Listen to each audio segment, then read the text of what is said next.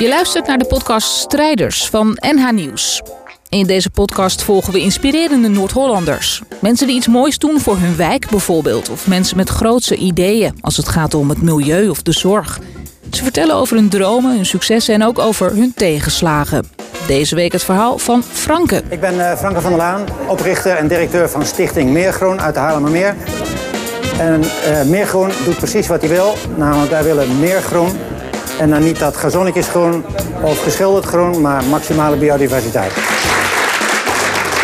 Dankjewel. Mijn verhaal hier is het verhaal van hoe je of top-down of bottom-up iets met ecologie kan doen. En dan denk ik niet bij ecologie aan kriebelbeestjes, maar dan denk ik aan plastic soep, woestijnvorming, klimaatcrisis, stikstofcrisis en ecologie als raamwerk voor de menselijke samenleving. Hoe ben ik daarin verzeild geraakt? Al heel vroeg, op mijn veertiende, kwam ik bij een natuurclub en ik ontdekte de fascinerende verscheidenheid en vooral de fascinerende interacties tussen de natuur. Maar behalve de natuurstudie heeft mij altijd geïntrigeerd het spanningsveld tussen de menselijke samenleving en die natuur. En dus de natuur als raamwerk voor het kunnen bestaan van deze samenleving. Dus al gauw raakte ik in milieuclubs verzeild om te ontdekken, dat was in de tijd van Lekkerkerk, het was in de tijd van protesten tegen de kernenergie. En wat deed die milieubeweging? Die zei eigenlijk dat alles wat dus in de samenleving gebeurde, gif en vuil en vuilnis, was allemaal slecht. En wat ontdekte ik als jongetje van 17 jaar? Mensen gingen niet meedoen omdat het zo slecht ging. Maar ze sloten zich als een oester, omdat ze niet wilden horen dat ze zo slecht bezig waren. Kun je het een beetje herkennen hoe dat tegenwoordig gaat? Dat is tegenwoordig nog zo. Dus op mijn zeventiende zaten we daarover te praten met kinderen waarbij we in een eh, wereldwinkel aan het werken waren. We dachten, er zijn relaties tussen waarom het fout gaat in de derde wereld en waarom het hier fout gaat. Hoe kunnen we nu een milieuactie starten die, hoe mate die groter wordt, juist meer mensen enthousiast maakt?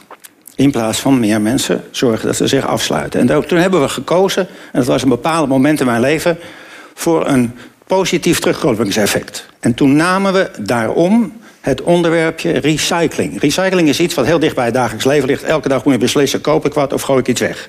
En het doet iedereen pijn als je iets weg moet gooien. Wil het eigenlijk niet, maar je kan niet anders. Dus op een gegeven moment slijt dat gevoel en dan doe je het maar. En als je, als je afgestomd bent, dan blijf je dingen weggooien. Dus wij gingen recycling stimuleren in een gemeente waar ik toen woonde, Oude Kerk aan de Amstel. We begonnen met papier, 6 ton in de maand. En dat hebben we in 15 jaar, of 5 jaar uitgebouwd naar 40 ton structureel in de maand. Rommelmarkten, niks weggooien, omdat mensen het nog kunnen gebruiken. Knotwilgenacties. Het liep heerlijk uit de hand.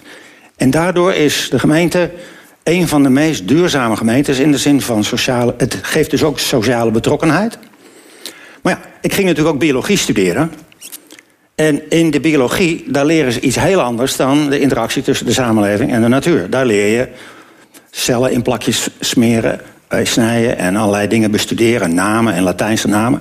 Dat interesseerde mij allemaal niet zoveel. En toen heb ik gekozen voor het, een ombuiging van mijn studie, zodat ik niet in Nederland in de, in de geitenwolle sokkenbiologie of in de ivoren torenbiologie aan de gang zou gaan. Maar ik dacht in de derde wereld, zijn de problemen woestijnvorming, overbevolking, degradatie, etc. veel groter. Zo raakte ik in Mozambique verzeild.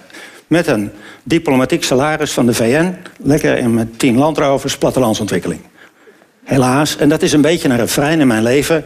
Niet alleen de universiteit was wat teleurstellend, maar ook de VN was wat teleurstellend. Of Mozambique was wat teleurstellend, want er speelde op dat moment een burgeroorlog. En je kan tien jaar vertrouwen winnen en infrastructuur bouwen en dat is in een maand weg. Dus dat heb ik vijf keer gedaan in drie jaar tijd. En toen dacht ik, dit wordt niks. Toen heb ik mijn uitvlucht gezocht. Ik dacht, op het hoofdkwartier van de Verenigde Naties, van de FAO in Rome, kan ik misschien meer betekenen.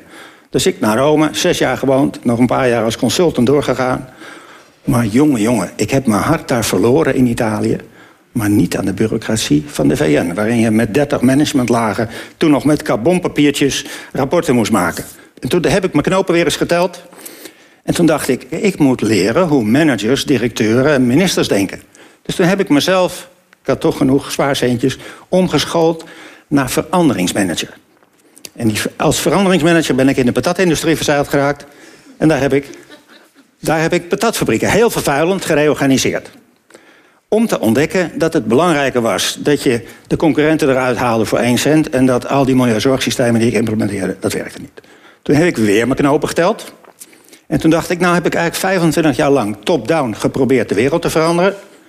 En ik ben eigenlijk niet zo ver gekomen als ik wil. Laat ik maar eens beginnen met de bottom-up. En zo ben ik bij een natuurtuin in Hoofddorp verzeild geraakt... die een ecologisch en sociaal pareltje hadden... maar die als heel veel biologen erg naar binnen gericht waren. En niemand wist dat ze duizend plantensoorten, vijfduizend insectensoorten... en een ijsvogel en dit en dat hadden. En ze hadden ook allemaal 80 plus vrijwilligers. Dus ik dacht, we moeten alle kinderen van 2 tot 100 erbij betrekken. En toen ben ik mijn marketing- en managementcontacten gaan gebruiken... om van daaruit de ecologische planning in de Haarlemmermeer en de regio te gaan doen. En ik kreeg toen 360.000 euro prijs van de provincie Noord-Holland. Maar ja, die krijg je alleen als je een handtekening met een KVK-nummer neerzet. En toen weigerde mijn, uh, mijn, mijn heemtuin, waar ik inmiddels beheerder was, om te tekenen. Daarom heb ik toen Stichting Meergroen opgericht. En ik zal je meteen wat Nederlands leren. Meer betekent, dat is een acroniem. En die staat voor de maatschappelijke, ecologische, educatieve, economische en recreatieve meerwaarde die je met actieve burgerparticipatie kunt bereiken. Oftewel, niet lullen maar poetsen en maak er samen wat moois van. Inmiddels hebben we 160 hectare in beheer met 800 vrijwilligers. En ik ben nu bezig met een project, en daarom ligt mijn plannetje hier. Ik ben nu bezig om met een stuk of 20, 30 multinationals en grote organisaties mijn plannetje om weer op VN-niveau te, komen, te gaan uitvoeren. Want als ik tegen meneer Rutte zeg van ik wil graag even de klimaatcrisis van deze wereld oplossen, dan zegt hij meneer Van der Laan, goed idee, maakt u maar even over 20 jaar een afspraak. Ja? Maar als ik met een brief met 50 organisaties zeg, wij financieren het, wij leveren de handjes en we gaan het doen, dan moet het gek zijn dat de overheid niet de ruimte beschikbaar maakt. En ik wil heel graag eigenlijk 50 of 100 jaar tijd winnen, nu we eindelijk de geestelijk aan toe zijn om wat te gaan doen, om alle CO2 ter wereld, te beginnen in de Haarlemmermeer en in Noord-Holland, uit de lucht te trekken. En dat doen we met burgerparticipatie. Dit zijn de eerste boompjes die ik vandaag uit de grond heb getrokken. Dat zijn zaailingen uit de natuur. Er zijn er miljarden. We gaan ze als vrijwilligers uit de tuin halen. En we planten overal in wegbermen en in parken planten we klimaatbos.